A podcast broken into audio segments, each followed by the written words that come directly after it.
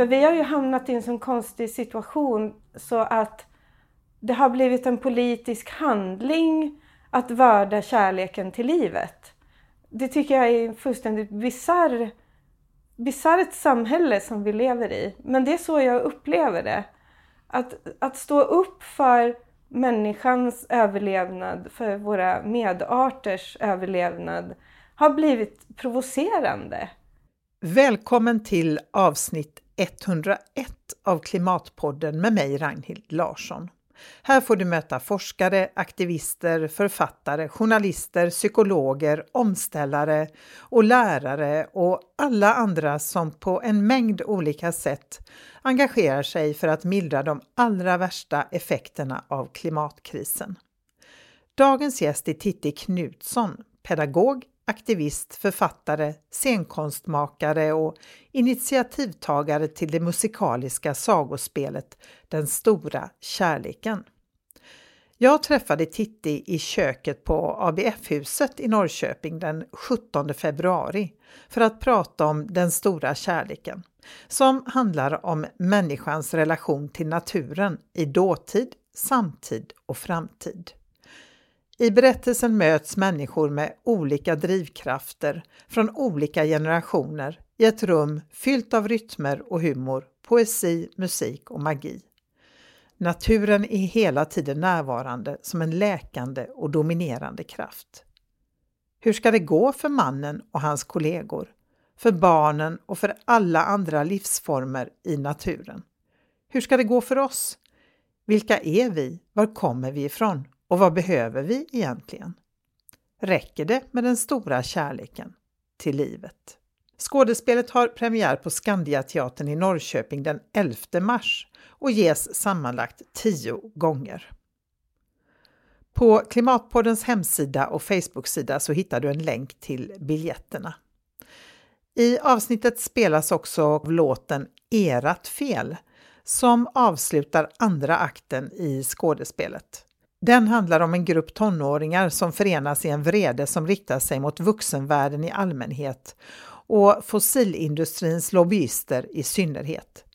De som för pengar och helt utan skrupler sätter hela mänskligheten på spel. Och musiken och kompositionen och produktionen står Olle Linder för och Titti Knutsson och Kairos textgrupp har skrivit texten och medverkande är Ellen Fagius, Agnes Knutsson, Harald Gärdmar, Max Källström Pålbäck och Oskar Wågman. Om du vill stötta arbetet med att göra Klimatpodden som är helt reklamfri så går det bra att sätta in en valfri summa på Klimatpoddens eget Swish-konto 123 396 2974. Och ett stort varmt tack till alla er som valt att stötta Klimatpodden sen sist så att jag kan fortsätta göra det här. Ett annat riktigt bra sätt att stötta Klimatpodden är förstås att tipsa släkt, vänner, bekanta och alla andra att lyssna. Och kom ihåg att du gärna får höra av dig med synpunkter och förslag på gäster till kommande avsnitt. Och nu är det dags att köra igång dagens avsnitt med Titti Knutsson. Varsågoda! Välkommen till Klimatpodden Titti Knutsson! Tack så jättemycket! Vem är du? Eh, ja, jag är väl lite mångsysslare. Jag är pedagog och aktivist och författare och scenkonstmakare. Eh, så så det är lite blandat. Och vad, hur blev du engagerad i klimatfrågan, klimatkrisen? Alltså jag är ju född in i miljörörelsen. Så jag var ung och arg fältbiolog redan på 80-talet i Åtvidaberg. Eh, där vår största antagonist var eh, en, en, familj som hade mycket mark och som vi tyckte hade förfärliga skogsbruksmetoder. De sprutade ju med hormoslyr, det är så länge sedan.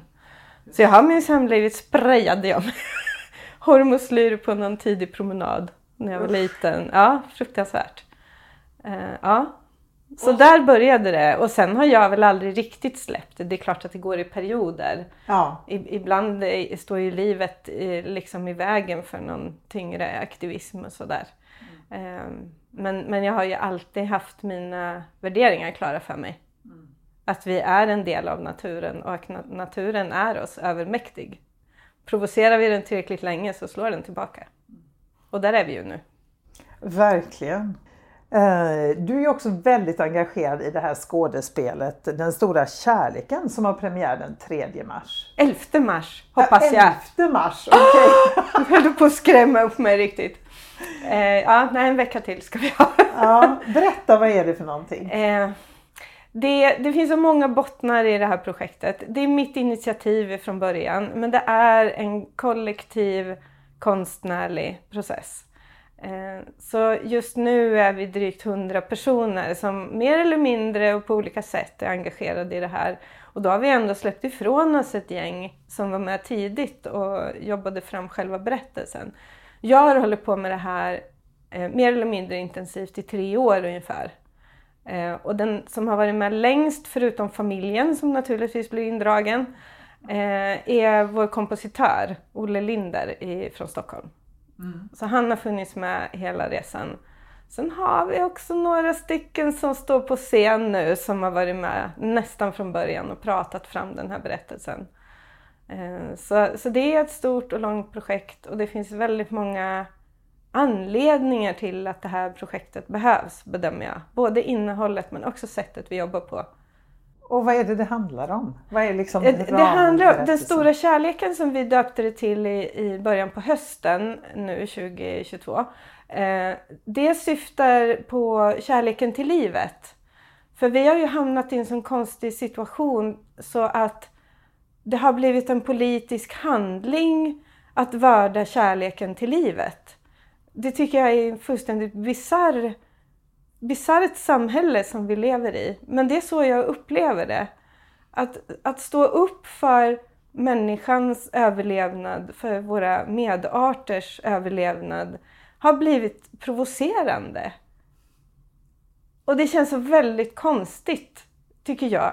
Eh, så då, och sen jobbar vi i vår berättelse så jobbar vi med mod, vi jobbar med vrede, vi jobbar med försoning, förlåtelse och kärlek till livet. Eh, det försöker vi att berätta om. Den korta beskrivningen är att föreställningen handlar om människans relation till naturen i dåtid, samtid, men också i framtiden. Just det. För det har varit också en viktig grej för mig hela tiden, att vår berättelse ska sträcka sig in i framtiden och vi ska berätta en saga. Vi ska tillåta oss att spekulera om en bättre framtid. Vad som faktiskt skulle kunna hända om vi bara bestämde oss och tog tag i det här. Så det finns där också, den beskrivningen. Och den har vi inte hittat på ur luften utan vi har ju haft kontakt med filosofer och forskare och inom olika områden för att också ha, bygga våran saga på saklig grund ändå. Mm. Och det är så härligt med framtidsberättelser att ingen kan ju säga att vi har fel. Vi kan inte hävda att vi har rätt, Nej. att det kommer att bli så. Eh, vi kan hävda med bestämdhet att det skulle kunna bli så, det vet vi.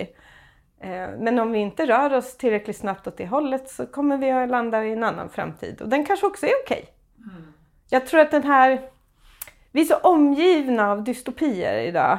Det, det, är så mycket undergång och så mycket utrotning och så mycket utsläpp och så mycket elände. Så jag förstår inte hur man ska orka om man inte har en vision om någonting bättre på andra sidan om alla de här kriserna. Nej.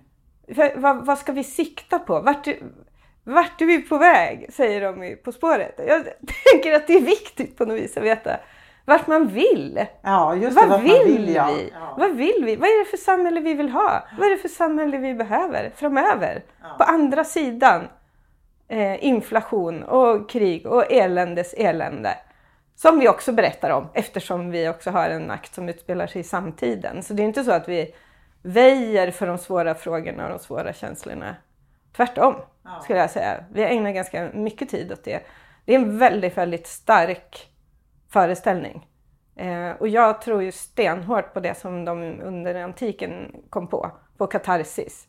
Alltså på existentiell lättnad genom skådespel. Mm. Att jag som publik genom att aktörerna gestaltar mina dilemman, mina svåra känslor, så slipper jag lite av min egen börda. Och så kan jag gå lite lättare, lite rakare ut från teatern. Och dessutom så är det ju så att man går in på en sån här föreställning som främlingar, men man går ut som vänner för att man delar den upplevelsen med varandra. Och jag tror verkligen att vi är på väg att skapa någonting sånt på vårt konstiga sätt. Varför vår... är det konstigt? Därför att man gör inte sånt här idag. Det här gjorde man på 80-talet när man var en del av Gräv där du står-rörelsen och man gjorde historiespel med jättemånga eh, aktörer, ofta amatörer på scenen. Det gjordes här i Norrköping, det pratar ju Norrköpingsbor som har några år på nacken fortfarande om. Mm. Eh, och jag har kontakt med de seniora teaterpersonligheter som var aktiva då och försöker lära mig tankar, erfarenheter från dem. För vi gör ju samma sak, fast vi har vänt blicken. Vi gräver där vi står och så tittar vi framåt. Mm. Och sen gräver vi dessutom i hela världen. För vi har lyft vår berättelse från Norrköping och Östergötland och Sverige. Vi har lyft den till ett existentiellt, universellt plan. Så vi försöker berätta så mycket med vår berättelse. Och då måste man använda sagorna. Mm. Skulle man gå in ifrån en individ eller fyra olika individer så skulle det ta för lång tid, bli för geggigt liksom. Så man måste lyfta det, jobba teatralt, använda teaterns unika uttryck och möjligheter. Och musiken och alla sakerna som samspelar, aktörerna, ljussättningen, effektljuden, projiceringar. Att vi jobbar verkligen med alla uttryck på en enda gång. Det är inte några andra konstformer som håller på med det på det sättet. Nej. Och det händer där och det händer då. Är man inte där och då, då missar man det. Så gör inte det. Nej. Skynda er på! Men inte 3 mars utan 11 mars. 11 mars, annars blir det lite tråkigt kanske. Ja, då kanske man blir indragen ja, i processen det, istället. Precis, Vi behöver fortfarande folk till lite av varje så att man kan få vara publikvärd eller eh, scenarbetare eller så. Ja. Det behöver vi fortfarande om man finns i Östergötland. Så. Ja, ja. Mm, kan ja, man det... höra av sig. En bra uppmaning. Mm. Men du, alltså alla de här dystopiska berättelserna, vad gör de med oss som människor tror du? Alltså vi, vi behöver ju dem också för att vi kanske bär en rädsla för vad som ska hända. Eh, och då behöver man, det är ju en del av det här katarsisbegreppet, att man behöver man behöver upple- gå för, få känslomässig vägledning i hur ska jag hantera eh, klimatkrisens yttersta konsekvenser. Eh, så jag tror inte att dystopierna ska bort. Vi behöver dem också. Eh, men det var inte det jag var ute efter här. För att jag tyckte att den andra berättelsen som har med revolutionen, som har med vändpunkten, eh, saknades. Mm. De slutar på botten. Vi tar med vår publik rakt ner i helveteshålet. Men vi lyfter upp dem på andra sidan. Mm. Varför är det så viktigt då? Ja, för mig är det viktigt för att jag fattar inte hur jag ska orka annars. Jag måste få ha glädje och kreativitet i mitt liv tillsammans med andra. Och musik och liksom jobba i de här sammanhangen. Och det är ju så, det har ju gamla sossar vetat liksom, pratat om på 40, 30, 40-talet att nej men när vi får eh, högteknologiska system och så, då kommer vi att få mycket mer tid. Mm. Då kan vi dansa, då kan vi spela musik och skapa teater. Fast så har det ju inte blivit. Nej. Och vad beror det på? Ja, det beror ju inte på att människorna har ett mindre behov av att uttrycka sig. Det beror ju på systemet som det är riggat. Mm. Att vi måste, känner oss tvungna, nu vet jag att du och jag kanske är någon sorts undantag, men väldigt, väldigt många människor känner att de är tvungna att delta både i produktionen och konsumtionen. Hela tiden. Mm. Nästan dag och natt. Eh, och det är klart att då är det väldigt, väldigt svårt att klämma in kreativa, flummiga saker som inte har någon tydlig målsättning och där man skapar tillsammans och så det har ju inte varit lätt att få tag i de här hundra personerna Nej. som vi jobbar med. Men nu är de där. Ja, det är fantastiskt. Det är som man blir tjutfärdig. Det är så vackert och det är ju det här vi behöver. Vi behöver ju träna på samarbete. Vi måste ju återerövra potentialen i mänsklig kreativitet. Att jobba tillsammans. För ett tydligt eller för ett otydligt mål. Men var och en står vi oss ju slätt, särskilt när vi nu har ett sånt motstånd. När det är så, alltså repressionen kommer med stormsteg. Det är förfärligt. Mm. Och då måste vi stå där. Varför har vi så svårt att eh, vad ska jag säga, frigöra oss från systemet eller att tänka utanför boxen eller jag vet inte vad man ska kalla det men för vi verkar ju, precis som du säger så är vi ju alla väldigt eh, vi ställer verkligen upp på det här att jobba jättemycket och att konsumera mycket. Vi hinner ju inte ifrågasätta och, det ens. Nej, nej, precis. Det finns inte tid för eftertanke. Mm. Eh, jag hörde KG Hammar en gång som sa att individualismen är roten till att vi inte löser det. För att vi tror att vi måste så mycket var och en. Vi har, har såna extrema krav på oss själva att vi ska delta i det här. Så vi hinner inte ens ifrågasätta det. Vi hinner inte sätta oss på arslet ute i skogen på en stubbe och fundera på vad är det jag bidrar till? Mm. Vill jag vara med i det här? Nej. Och vad kan jag göra istället? Vad behöver jag egentligen? Det är ju frågan. Vad behöver jag egentligen? Behöver jag något mer än kärleken till livet? Eller behöver jag... Eh, nej men alltså att, att, Det finns inte utrymme för vi springer så fort. Mm. Vi är totalt fartblinda och vi springer i varsitt spår. Vi har en koreografi i eh, vår föreställning som eh, en, en koreograf som heter Khaled Abdulrahim som tyvärr har blivit utvisad från Sverige sen men, och bor i Kanada nu. Men de var här, han och hans eh, sambo, och hjälpte oss göra en koreografi där vi har fyra löntagare som går. De jobbar intensivt, de jobbar allt snabbare, allt effektivare och de jobbar som i fyra spår. Så de går närmare publiken och längre bort från publiken. Fram och tillbaka, fram och tillbaka, fram och tillbaka. Och barnskötaren hon snyter barn och hon håller på att greja med sitt. Och kokerskan hon håller på med sitt, snickaren håller på med sitt. Och det är liksom aldrig möts de. De bara springer i sina spår fram och tillbaka och det blir en sån väldigt stark bild. Vi vet ju att det vi berättar berör folk. Vi har provspelat lite material i så här, ja men ABFs halvårsmöte i höstas. Lysrör i taket, konferensrum, folk sitter och äter mackor samtidigt. Men de glömmer att äta sina mackor. De skrattar och de gråter för det är en sån spegel. Mm. Vi, vi, vi, håller upp en spegel och där, där finns det utrymme för både skratt och gråt. Men det är, det är en stor berättelse. Mm. Och det är en svår tid vi lever i. Och vi är både individer och kollektiv i den tiden. Men ibland tror jag att vi glömmer lite grann att vi har varandra. Just det, att vi är starkare än vi kanske egentligen tror. Vi kan så mycket mer än vi tror. Mm. Det, det, är det någonting jag önskar att några stycken i ensemblen skulle skriva i en efterutvärdering så är det att jag kunde mycket mer än jag trodde. Mm. Att tänja på gränserna, att våga lite mer än man egentligen vågar. Det kan man träna på teatern. Mm. Och sen kanske man kan ta med sig det ut. Det. I, en annan, I en annan kontext, i en annan del av samhället. Och ha lite rakare rygg. Mm. Um, så det, det, det, finns många bottnar, det finns väldigt mycket, många anledningar till att, att jag har tagit initiativ till det här. Men nu är det ju inte jag längre och det är ju en väldig tur. För att all, varenda en av dessa hundra människor behövs. Mm. Det går inte att vara utan någon av dem. Hur har du hittat alla de här människorna? Första var ju liksom folk jag känner, folk jag har jobbat med någon gång. Sen eh, åkte jag ut på en folkhögskola där de pluggar teater och kollade några som här kanske som finns. Jag försökte liksom att dra i ändar som jag såg omkring mig.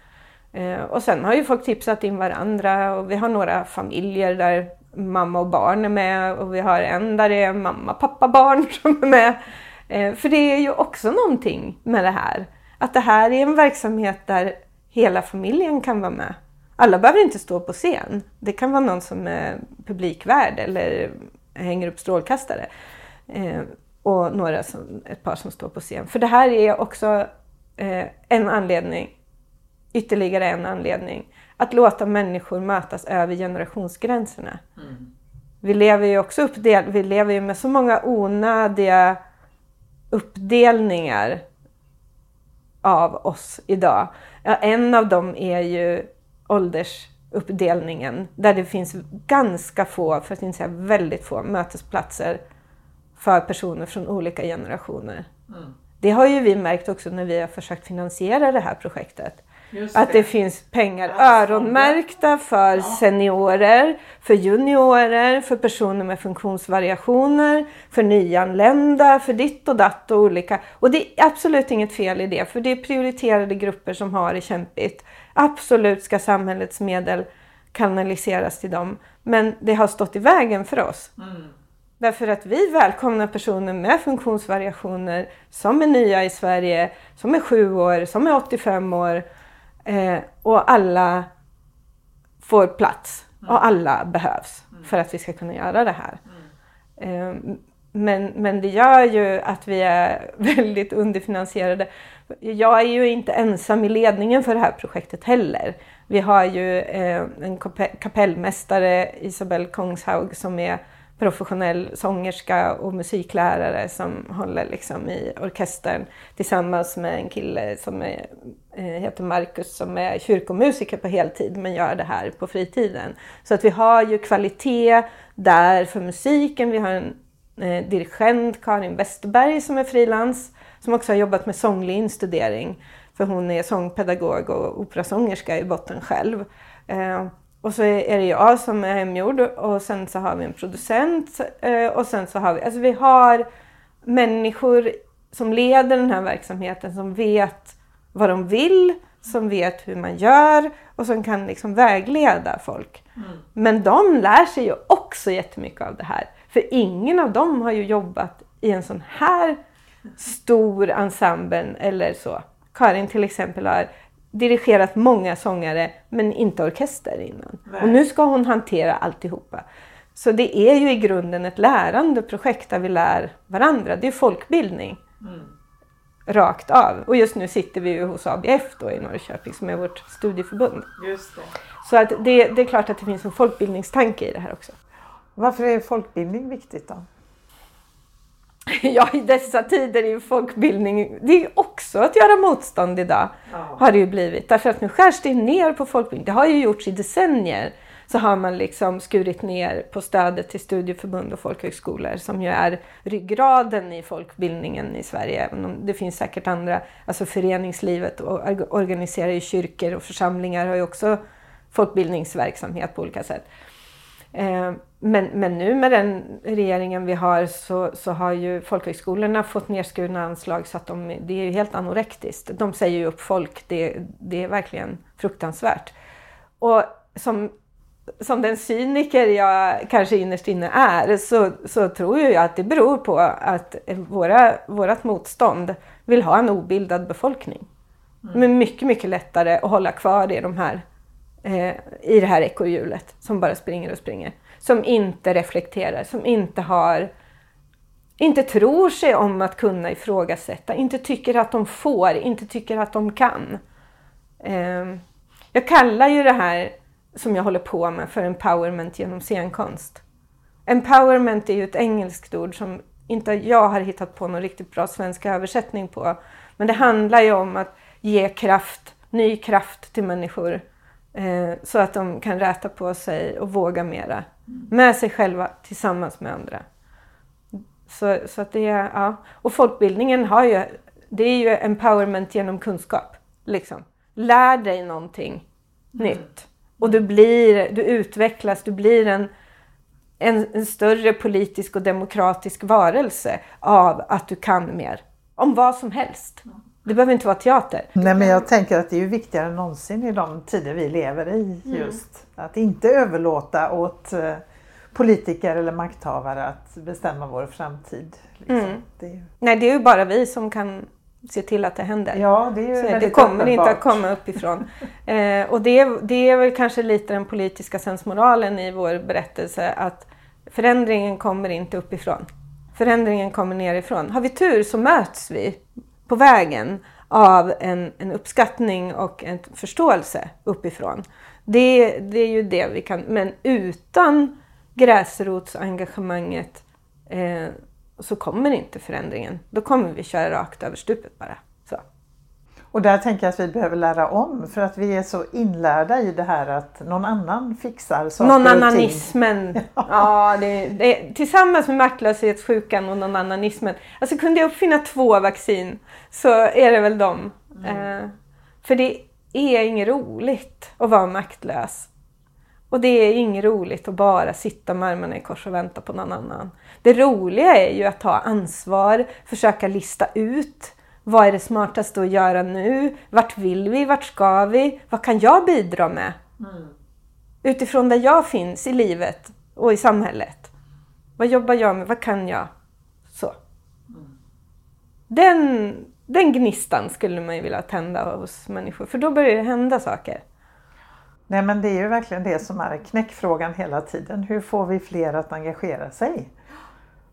Och då tänker jag att såna här, den här typen av projekt och andra konstprojekt, andra typer av, vad vet jag, do it yourself, eh, programmeringsprojekt, vad som helst, folkbildningsprojekt som gör att människor får högre tilltro, högre tillit till sin egen förmåga är välkommet. Mm. För det är det som föder ett kritiskt tänkande. Man kan inte tänka kritiskt och ifrågasätta om man inte tror att man har lov. Eller att man är för dum. Eller att man är för fattig. Eller att man är en idiot eller någonting. Alltså man måste komma upp ur det träsket först. Mm. Innan man kan orka börja granska, upptäcka hur systemet är riggat. Och sen kanske så småningom börja ifrågasätta det och sin egen plats i det. Vill jag fortsätta springa här? Mm. Vad vågar jag göra? Vilka risker tar jag? Vågar jag ta någon risk? Eller har jag en situation där jag faktiskt inte kan riskera någonting? Nej, för så kan det ju också så vara. Så kan det vara. Och så mm. är det i vissa situationer i livet och i vissa platser i samhället också. Och, och, så. Men, men jag tänker att lite större mod och högre tillit, självtillit, livsmod pratar man om också ibland. Det är fruktansvärt tycker jag att se unga människor idag förlora sitt livsmod. Mm. Alltså, så att, in, att unga människor inte gör revolt när de ser att framtiden ser dyster ut. Utan backar in i sitt skal, sätter sig framför, vad vet jag, sina spel, sin, sina flöden mm. och isolerar sig där. Det är en sån djup tragik i det. Mm. Det är fruktansvärt. Så kan jag nu ge livsmod till de här 10-12 tonåringarna som vi har med i ensemblen. Så, så här är till det vackraste jag skulle kunna åstadkomma, tycker jag. Det vet jag inte. Det, ja, det är spännande. Det är en resa, det är ett utforskande, det är ett äventyr. Nej men det förstår jag verkligen. Det är så djupt orättvist också mot den unga generationen.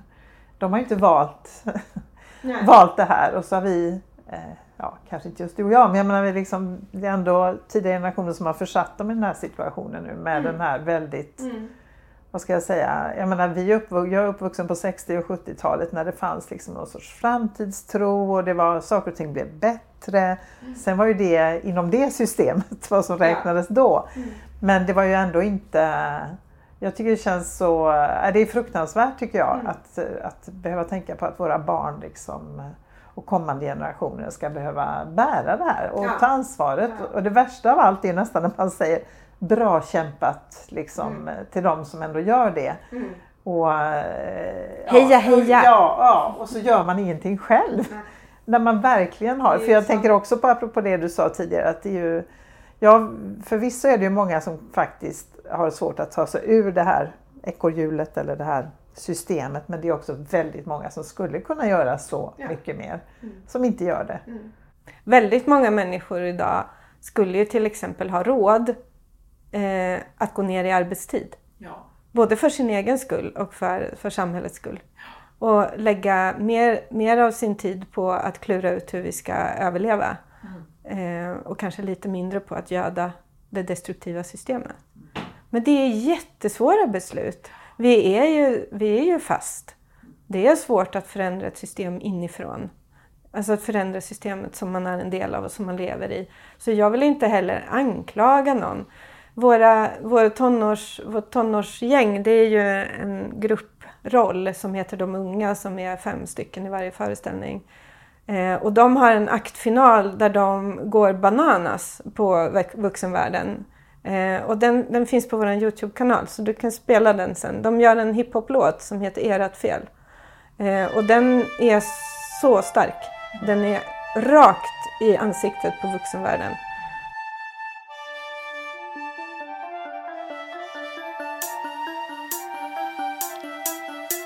Du tjatade om tillväxt under hela min uppväxt. Men du vägrar själv växa upp, rätta till, växla ner. Fast du vet på det när du ser det som sker. Den rikedom du dealar med är siffror i systemet Som inte har något värde utan ingår i problemet.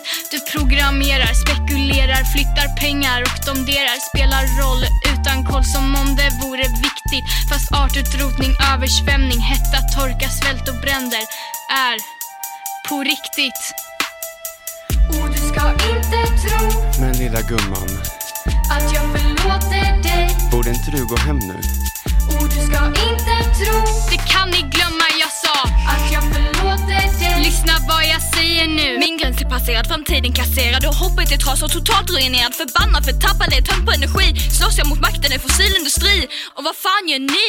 De är starka, de har cashen, de har vapen, äger våldet. De har språket, de har talet, äger tankekapitalet Ni säljer eran tid för att vila mera. Lite återfixat riktigt för att konsumera. Spelar roll utan koll som om det vore viktigt. Fast återskotning, översvämning, hetta, torka, svält och bränder är på riktigt. Aha, och det är ert fel, det är ert fel, det är ert fucking fel! Ha. Och ni ska inte tro Och ni ska inte tro Att vi förlåter er Vi kommer inte glömma Och ni ska inte tro Nej, ni ska inte tro. Att vi ah. förlåter Så lyssna vad jag säger nu. Ni gör ett jävla skådespel helt utan faktisk action. En föreställning byggd på ord och egen satisfaction. Ni säger era tomma ord och målar efter gröna. Lovar runt men håller ut och snart så är ni döda. Festen är över och showen är slut. Sen sista replik. Det är en sviken, besviken och bedragen publik. Ni skriver papers, clickbaits, jagar röster, cash och likes. Spelar roll utan koll som om det vore viktigt. Fast övergrepp på aktivister, våldet, morden, haten, hoten är på riktigt. Gå hem, cirkulera, här finns inget mer att se. Jag tar befälet, ert motstånd ska slås ner. Gå hem, cirkulera, här finns inget mer att se. Jag tar befälet, ert motstånd ska slås ner. Upp på eran jävla alltid lugn psykos. Ni har ingen scen, timmen är sen. Det finns inget sen, det finns inget mer. Ni vill bygga en mur för att bara titta på hur strömmar av vatten och människor tränger på. Men vi sitter inte i samma båt. Ni tänker flyta ovanpå men vi svämmar över. Kommer döma, vi blir en mardröm ni aldrig kommer glömma. Ey! När arterna försvinner, skogen brinner, isen smälter, vattnet rinner, hjärtat slår och tiden går. Och det är ert fel, det är ert fel, det är ert jävla fucking fel, det är ert fel, det är ert fel, det är ert fucking fel! Ni ska inte tro, och ni ska inte tro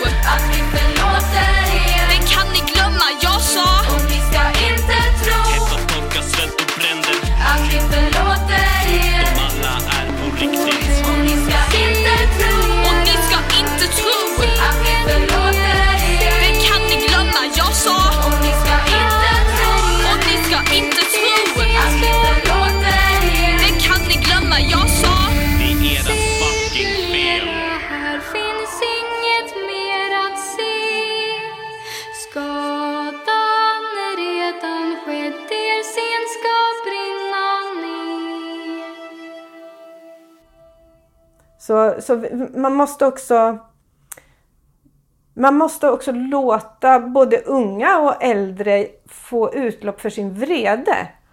Vi är så rädda för starka uttryck eh, i samhället. Vi är konflikträdda kanske, men vi är också rädda för starka känslomässiga uttryck. Och det tror jag att jag... Jag har haft förmånen att få jobba med en amatöroperaensemble i Linköping som heter Figaro. Hej på er gullisar! Eh, och där tyckte jag att jag fick lära mig så mycket om vad det betyder att ha starka känslomässiga uttryck som också finns i musiken. Eh, för musiken är ju vårt första språk brukar jag säga. Det är ju någonting som vi inte kan värja oss emot. Det öppnar upp våra hjärtan och sen kan vi eh, presentera en känslomässigt stark berättelse för vår publik. Så jag har tagit med mig en sorts operamaner in i den här föreställningen som är musikalisk men som inte har det, liksom opera, den tekniska operasången är inte där. Nej. Utan här rör vi oss genremässigt mellan eh, visa, tango, hiphop, hårdrock. Det är liksom en genrebredd som är jättestor. Eh, och det finns ett värde i det också. För att vi ville ju att den här berättelsen inte skulle handla om eh, Norrköping eller Östergötland eller Sverige vid en viss tidpunkt. Utan vi ville ju lyfta den, göra den universell. Då är det väldigt fint att ha en latinopräglad tango i den. Mm. Eh, och låta det finnas uttryck ifrån världen, från olika tider, även musikaliskt. Men att våga jobba med musiken känslomässigt. Och att inte vara rädd för de stora känslorna. Det, det har jag nog fått med mig inifrån operahållet. För där är det ju verkligen mycket starka känslor. Mycket starka känslor. Och det är ingen som tycker det är något fel med det. Det är konstigt, nej. Nej. Så Kairos då som Kairos? Kairos tror jag Kairos. att man uttalar det på Kairos. grekiska. Ja. Så Kairos heter den här föreningen då som sätter upp den här... Nej, projektet heter projektet det. heter ja. Kairos. Och, men det betyder också det gyllene ögonblicket. Då läste jag någonstans att ni menar att vi har ett sånt ögonblick nu. Ja.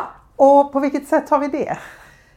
Ja, eh, ja vi, alltså, det har ju hänt saker på de här tre åren. När vi började med det här projektet så kom pandemin efter fyra veckor eller någonting. Så störtade vi huvudstupa in i den. den. Eh, ja, så det, det, gjorde att vi var tvungna att anpassa oss. Men det är ju en del av överlevnadsstrategin för framtiden eh, som människan alltid har haft, att anpassa sig. Så det gjorde vi ju naturligtvis. Så vi fortsatte ju att skriva och driva det här projektet ändå. Eh, men då hade jag en väldigt stark känsla som jag tror att jag delade med stora delar av miljörörelsen att den här pandemin måste ju ändå visa folk att det här funkar ju inte. Just det. Nu äntligen! Och flygandet gick ner och man såg de här bilderna som jag inte vet om de var fejk eller inte. Men alltså man såg himlen i Delhi och man såg eh, fiskar eller delfiner eller Just vad det var det. i Venedig. Och ja. Himlen klarnade och solen gick upp och människor var i och för sig sjuka och vi jagade efter vaccin. Så det var ju det var en väldigt dubbel bild. Men på något sätt så tror jag att det födde någon sorts hopp hos människor att men den här läxan från naturen ska väl ändå få oss att tänka till. Och då tänkte jag, det här is the moment. Eh, det här är det gyllene ögonblicket när vi faktiskt kan ställa om. Ja. ja. Sen gick det som det gick höll jag på att säga. Men, men vi måste ändå eh, vi måste ändå klamra oss fast vid att det finns ett sånt ögonblick. Alltså, jag vet inte hur, om man säger ett halvår innan Berlinmuren föll så stod den där den stod. Mm. Och ingen trodde För att den oöverskådlig tid. Försvinna. Ingen såg några lösningar på det här. Det är ju de där, jag vet, det finns en en forskare som jag försöker komma på nu i Göteborg. Eh, Hans Abrahamsson heter han. Han, han, brukar prata om att det finns en glänta i tiden. Det är också ett begrepp som jag har lånat till texter om Kairos. Det finns en glänta i tiden när en förändring plötsligt är möjlig. Och vi kan inte rigga den. Vi kan inte planera fram det här ögonblicket. Utan det kommer, det är massor med, alltså världen är komplex. Den är otroligt ogripbar i sin komplexitet. Men plötsligt så kan flera olika faktorer samverka eh, för att någon, en större förändring faktiskt kan äga rum. Och det, Jag hoppas ju att det här projektet som jag har jobbat så intensivt med nu, du hoppas säkert att din podd är, liksom alla de här små grejerna, ingen av dem enskilt åstadkommer ju så speciellt mycket. Får vi ändå vara uppriktiga och erkänna. Nej, svenska språket. Och, ja, så. Men, men alltså din podd, vårt scenkonstprojekt, allt det andra som görs. Någon gång snart så är vi där. Man når en tipping point. En tipping point, en positiv social och politisk tipping point. Mm. Och då går inte den att hejda heller. Det är en bra bild. Den bilden, den var väldigt fin. Den, den kom vi på nu. ja. Ja, man behöver verkligen eh, det. Man behöver verkligen eh, de här bilderna och visionerna. Jag tror att det är livsviktigt faktiskt. Ja, och det är livsbejakande. Ja. Och det är ju kärleken till livet. Det är ju det. Livet i alla sina former och uttryck är ju det vi ska vara rädda om. Jag läste någonstans att du kallar dig för en konstruktiv pessimist. Ja, Vad innebär det? Jag, jag blev så förtjust, jag har ju stulit det någonstans naturligtvis. Men för mig så rimmar det med Eh, Hasse och Tage brukade ibland i intervjuer säga att de jobbade med tillkämpad optimism.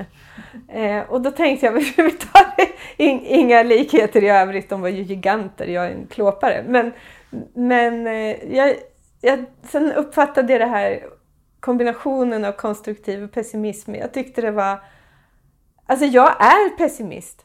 Jag tror vi är rökta. Jag tror inte det går. Men jag måste försöka. Jag måste göra någonting. Och vad kan jag? Ja, men jag kanske kan skapa scenkonst. Jag jobbar med berättelser. Jag har ju skrivit ungdomsböcker, barnböcker. Jag, jag, är, det är vi alla, men alla vet inte om det. Vi är alla berättande varelser. Vi består av berättelser. Vi återberättar varandra hela tiden. Och vi återberättar samhället hela tiden. Samhället är en berättelse. Det ekonomiska systemet är en överenskommelse. Det är inte av naturen givet. Det är liksom. inte en naturlag. Nej. Utan om vi vågar vara konstruktiva och kreativa så ökar vi ju chanserna till vår egen överlevnad. Även om vi är pessimister och tror att det inte är tillräckligt många av oss kommer...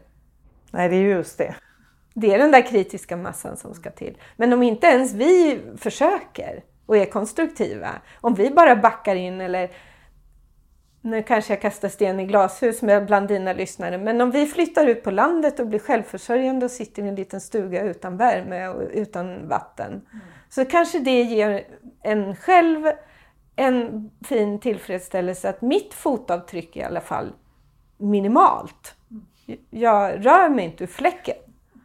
Men du åstadkommer ju heller ingen förändring. Nej. Det finns ju ett eskapistiskt, för att använda ett fint ord, ett flyktbeteende i det där. Att dra sig undan. Och jag vägrar att dra mig undan. Jag, jag vill uttrycka mig. Jag vill försöka berätta en annan berättelse. Eftersom jag vet att varje människa är en berättelse. Samhället är en berättelse. Det ekonomiska systemet är en berättelse. Och en berättelse kan vi skriva om. Det är bara våra hjärnor och de är så bra på det. Vi älskar berättelser. Det är därför vi upprätthåller det här systemet. Vi älskar det fast det är en lögn. Det är så, och, det är, det är, vi, oh. och vi älskar engagerade berättare. Och det säger jag till min ensemble som är amatörer, en del är totalt nybörjare, aldrig stått på scen förut. Men det spelar ingen roll. Behåll ditt engagemang och bär vår berättelse. Sen kan du spela lite falskt eller sjunga lite skevt. Det bryr sig inte publiken om.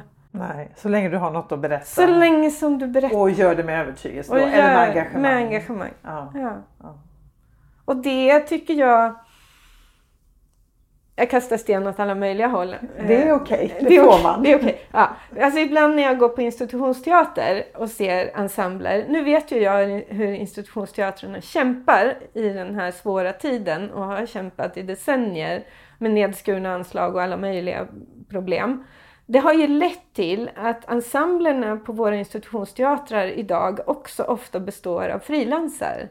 Det innebär att skådespelarna i en viss uppsättning konkurrerar med varandra om jobb i nästa uppsättning. På den teatern eller på någon annan teater. Det här är ett resande teatersällskap av individer. Och det tycker jag märks när jag ser föreställningar ibland. Att det är inte en grupp av människor. De bygger inte en gemensam berättelse. De bygger en berättelse som handlar om att jag behöver få ett nytt jobb. Just det, se på mig. Ja, Ja. och det är djupt, djupt tragiskt Ja. naturligtvis också. Och jag tror att det här med att individualismen är det som står i vägen för lösningen tror jag är väldigt sant. Och då tror jag att göra de här kollektiva projekten där många olika människor får mötas, får syn på varandra, blir bekanta, lyfter varandra, hjälps åt, bygger någonting som är större än de ingående delarna. Det är ju det, är ju det här vackra, att det blir någonting som är mer än bara att man sätter plus, plus, plus. Tillsammans så bygger man ju någonting som är utöver. Eh, och det här finns så få möjligheter att träna på det här idag. Och teatern är ju fantastisk på det sättet att den är helt safe. På vilket sätt? Ja, men allting är ju bara hittepå. Ja. Det är bara fake. Allt är bara fake. Han blev arg på mig, han är soldat, han bar ut mig. Nej, men det var ju han! Nu går vi och fikar. Alltså det är bara på låtsas. Och det finns en sån, sån möjlighet i det, att utforska svåra saker, att utforska, ställa sig i andra personers skor och förstå. Jag kanske, in, jag, jag kanske har blivit misshandlad av en soldat i mitt förra hemland. Och nu ska jag gestalta soldaten. Vad gör det med mig? Vad, vad kände soldaten i det ögonblicket som, som han, är det ofta, slog mig? Så det är ett rollspelande och ett utforskande som, som gör oss starkare. Så vi får, får fler... Vi får massa kunskap. Massa erfarenheter av andra personers liv. Ja, Blir man mer empatisk kanske. av att sätta sig in i andras situation? Liksom. Gå i andras skor? Eller. Man blir i alla fall en bättre berättare. mm. För att man förstår att en berättelse blir mer intressant om den berättas ur mer än ett perspektiv. Berättelsen om mig är inte så intressant. Men berättelsen om det som sker, om de, de andra människorna som också finns. Och det är då det blir det då det blir en stark berättelse, tänker jag. Men det här med individualismen är ju en, en, någonting också som som vi har märkt när vi ska rekrytera, när vi har letat efter framförallt unga aktörer och skådespelare, sångare och så, musiker. Eh, det är ju att skolan idag tror jag är väldigt effektiv på att fostra in unga människor i individualismen. Ehm, för att det finns en vana även hos väldigt unga personer att bli bedömd och värderad hela tiden. Som jag som ledare möter. Jag får direkta frågor. Var det bra? När de ska spela? När, de, när vi leker, agera när vi leka. jobbar fram Ja. en scen, vi Ja. improviserar och allting är öppet och fritt. Eh, och, och jag verkligen inte har uppgiften att värdera utan jag har uppgiften att lyfta och människor och, och inte trycka ner människor genom att sätta betyg på dem. Eh, men det, det finns en sån vana vid att bli bedömd och värderad och jämförd. Eh, och det är svårt att bryta det mönstret när man är en ung formbar människa.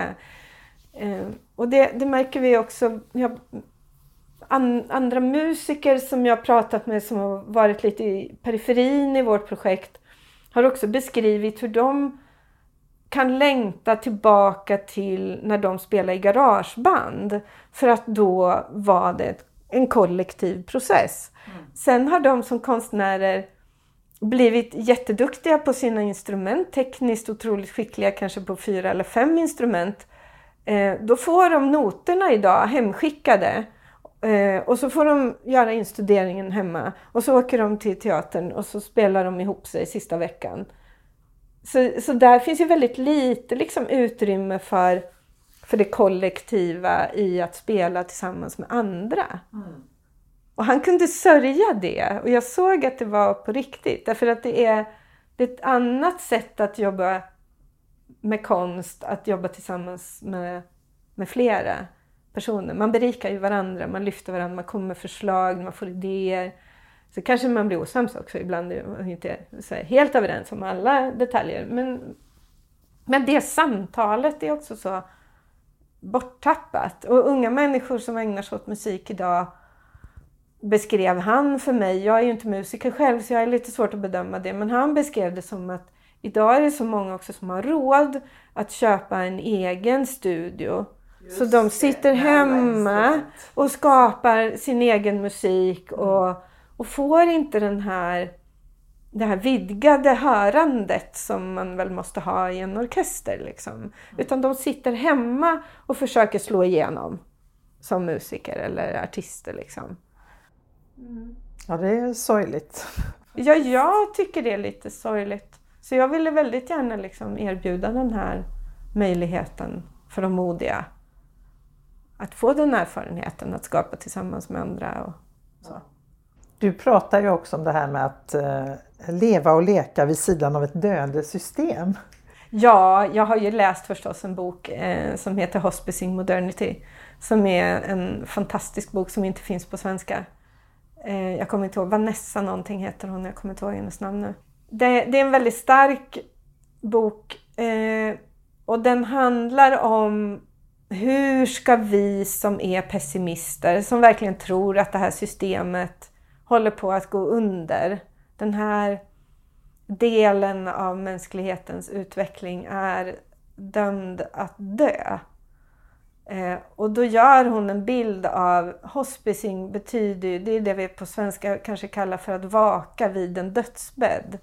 Alltså att man sitter empatiskt vid den döendes sida. Och det finns en värdighet i det som jag ibland kanske saknar bland de mer... Alltså, jag förstår verkligen vreden och frustrationen och alltihopa, paniken som man kan känna. Men det finns ju också ett stråk av sorg i klimat och miljörörelsen som kanske inte alltid kommer till uttryck. Och i, om man tänker på att man sitter vid en döendes sida, kanske med de anhöriga förtvivlade omkring sig, så får man en annan bild av sin plats i den här kampen, tycker jag. Att det handlar om att behålla sin värdighet, att inte slå på den döende. För den, den bilden finns ju inte... Om, om man tänker sig ett verkligt sånt skeende med en döende person så skulle ju den som vakar vid den döende sida aldrig i hela världen komma på tanken att öka lidandet hos den döende genom att sparka på den. Eller, ja. Det finns någon, jag är inte färdigtänkt. Jag provtänker eh, på det här fortfarande, för den här boken gav mig en så stark läsupplevelse. Eh, I den finns också ganska mycket berättelser från olika ursprungsbefolkningar och deras syn på mänsklig mognad, liv och död och som ju ofta då har en mycket mer cyklisk form och inte som vi som tänker att livet går från A till Ö. Liksom. Utan att det går från A till A. Mm. På något sätt. Och det där är ju så, vi är så, jag är ju också fast i det här. Jag, men jag är ju intresserad av att utmana mina tankebilder. Liksom. Då tyckte jag den där, just att vaka blev en annan, ett annat sätt att, de, att se på, på, det, på min plats. Med min insikt om vart den här sjukdomen leder så kanske jag behöver möta personer som, som driver det på ett, mitt bemötande av personer som driver systemet och finns i systemet och som inte klarar av att lämna systemet blir lite annat. Med den bilden. Ja, det är väldigt intressant. Ja, jag är inte färdig med det här. Men alltså, jag kan rekommendera boken om man orkar läsa engelska och är intresserad av det perspektivet. Det, Ja. det öppnar sig nya sätt att tänka. Nej, men jag tror precis som du också att vi låter oss också, vi låter sällan de känslorna komma fram tänker jag av sorg. Det finns ju, det är väl Exa, Extinction Ja. Rebellion som har de här svartklädda, nej Nej, rödklädda. ja, rödklädda som är eh, Åh, om, Red jag, om jag Rebels. någon ja. gång skulle göra någonting extra så känner jag att det är där jag ska gå. Och gråta bara. Ja. Gråterskorna, var är de? Nej, de borde är- ju vara i varenda gathörn. Verkligen. Nej, men det är väldigt, väldigt starkt. Och just att de är helt tysta och rör sig väldigt, väldigt långsamt och är bara, Bara är. bara är. Ja. Bara är sin sorg. Det är viktigt. Det är viktigt att våga sörja också tror jag. Och det märker jag också med, med rebellmammorna nu som ju också är en del av XR. Mm. Där ja, mammor sitter ner, bara sitter ner i en Mm. ring och vända utåt liksom. Och ja, tar in helt enkelt omgivningen och Mm. man, man får ju verkligen, det är en stark upplevelse för oss som sitter där också för att Ja, det blir väldigt starkt Mm. därför att man är helt stilla, helt tyst. Och så brukar vi låta en mikrofon gå runt om man vill säga någonting. Men det är liksom väldigt så eftertänksamt. Och man märker att människor blir berörda av det. Man når liksom människor, man möter deras blickar Ja. och ser att de... Det har ju hänt liksom att människor kommer och sätter sig med oss. Ja, just det. Så där bara, Ja. men där vill jag också sitta en stund. Ja, blick eh, jobbar man ju otroligt mycket med på teatern också. Ögonkontakt mellan roller. Ögonkontakt med publiken. Väldigt spännande. Ehm, och vi jobbar också väldigt mycket med, eller väldigt mycket, vi jobbar ju med de här stora känslorna. Och där är ju sorgen otroligt viktig. Vi har ju vi har en, eh, den mäktigaste rollen i rummet hela tiden har vi bara kallat för naturfiguren. Det är någon sorts mytiskt väsen. Eh, som, för att vi behövde en gestaltning av naturen behövde få någon, något sätt att uttrycka sig i rummet. Naturfiguren är den mäktigaste hela tiden, precis som naturen ju är. Eh, men har ingen röst, har inga ord, har sin kropp, har sin plats och har sin röst, sina vokala uttryck som inte har något språk. Eh, och det där kan man vrida väldigt mycket sorg ur. Och det är två manliga aktörer och de är så modiga. Jag är, jag är full av beundran för det arbete de gör med denna gestaltning. Det är inte lätt. Men de gör det så bra. Och de två har varit med i den här processen väldigt, väldigt länge. Ehm, Så det här, är, det här har blivit någonting viktigt för dem att vara med i. Vad är det som driver dig att hålla på med det här och fortsätta dag efter dag? Och... Ja, nej, alltså jag... Folk undrar ibland sådär, hur orkar du, hur orkar du? Och jag, mitt enda svar på det är väl att, ja hur skulle jag orka inte göra det? Hur skulle jag orka leva med mig själv om jag inte satte, investerade hela, som man säger, i det här systemet? Vilket ord jag fick till! Va? Ja, om jag inte satsade då? Det blir också ekonomism, det smyger sig in överallt. Ja, men säg det då. Men om jag inte liksom verkligen gjorde allt jag kan när samhället nu är som det är. Och det jag kan, det är kanske det här. Att jobba med eh, kollektiva, kulturella, konstnärliga uttryck. Att hålla ihop en stor process.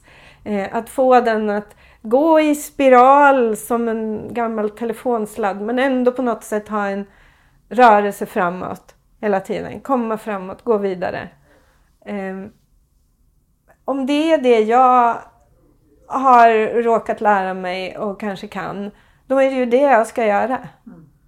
Och sen ska andra skriva debattartiklar och uh, vara med i politiska partier. Och, alltså, var man än finns i livet och i samhället så finns det ju något att göra. Och jag skulle inte, jag skulle inte kunna orka. De, människor pratar om min energi och min ork. Men jag skulle ju inte kunna orka leva om jag inte gjorde det här. Alltså, så här viktig är den här frågan för mig. Jag skulle inte orka vara kvar vid det här, på den här stolen, vid det här döende systemets sida om jag inte försökte göra allt jag kan. Det, dit har jag kommit och det här är ju en process. Det, men det har vi ju pratat om i klimat och miljörörelsen länge, att det är en sorgeprocess. Mm. Eh, och den har, inte, inte programmatiskt och inte i tur och ordning, men det finns ändå olika faser i den. Man är uppgiven, man är förbannad, man har liksom de här olika reaktionerna. Ja. Eh, och sen till slut så kommer man till en omorienteringsfas. Och jag har väl hållit på tillräckligt länge för att ha hunnit dit liksom. Mm. Så att, och jag har vuxna barn, jag har, jag har en livssituation som tillåter det. Just det. Också. Det är också viktigt. Ja, jag ja. kunde inte göra det här när jag hade småbarn och sjuk pappa. Det, och jobba heltid. Nej. Där gick också en gräns. Ja. Liksom. Men nu kan jag ju. Så hur skulle jag inte orka göra det här? Och det är vi väldigt tacksamma för att du orkar. ja, det får vi väl se den 11 ja. mars. Ja, nej, det, det ska går bli till väldigt spännande. Jag hoppas verkligen jag får en chans att se, se ja, den här det blir ingen turné kan jag säga. Man får, man får ta sig, man får till, ta sig till Norrköping. Norrköping. Men det, men det går mycket, ju bra. Det finns, det finns mycket och... att se och uppleva här så ja. att man kan göra en hel weekend av det eller stanna en vecka. Ja. Stort tack för att jag fick eh, sitta här och prata med dig för att du var gäst i Klimatpodden. Ja, tack för att jag fick vara det.